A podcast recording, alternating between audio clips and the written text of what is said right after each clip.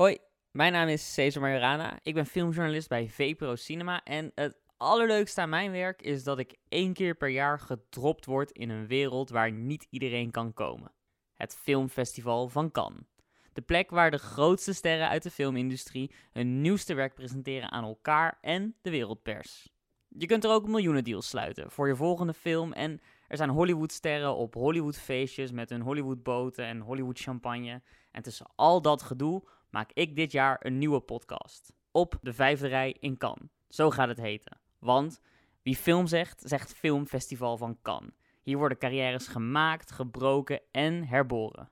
En ik ben er als journalist nu al een paar keer geweest, snap ongeveer hoe het werkt, maar ik wil dit jaar een paar hele grote filmvragen uitpluizen tijdens het festival.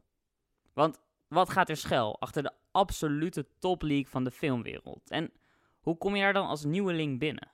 En wat betekent het als er een zaal leegloopt op je grootste wereldpremière?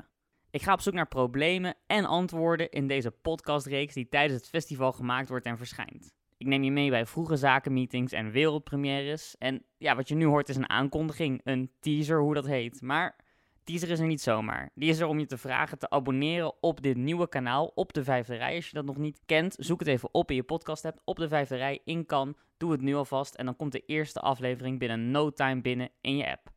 En ik ga ondertussen kijken of ik met een korte broek op de rode loper mag komen. Want het wordt een heel heet festival dit jaar. En dat bedoel ik niet alleen metaforisch. Tot snel.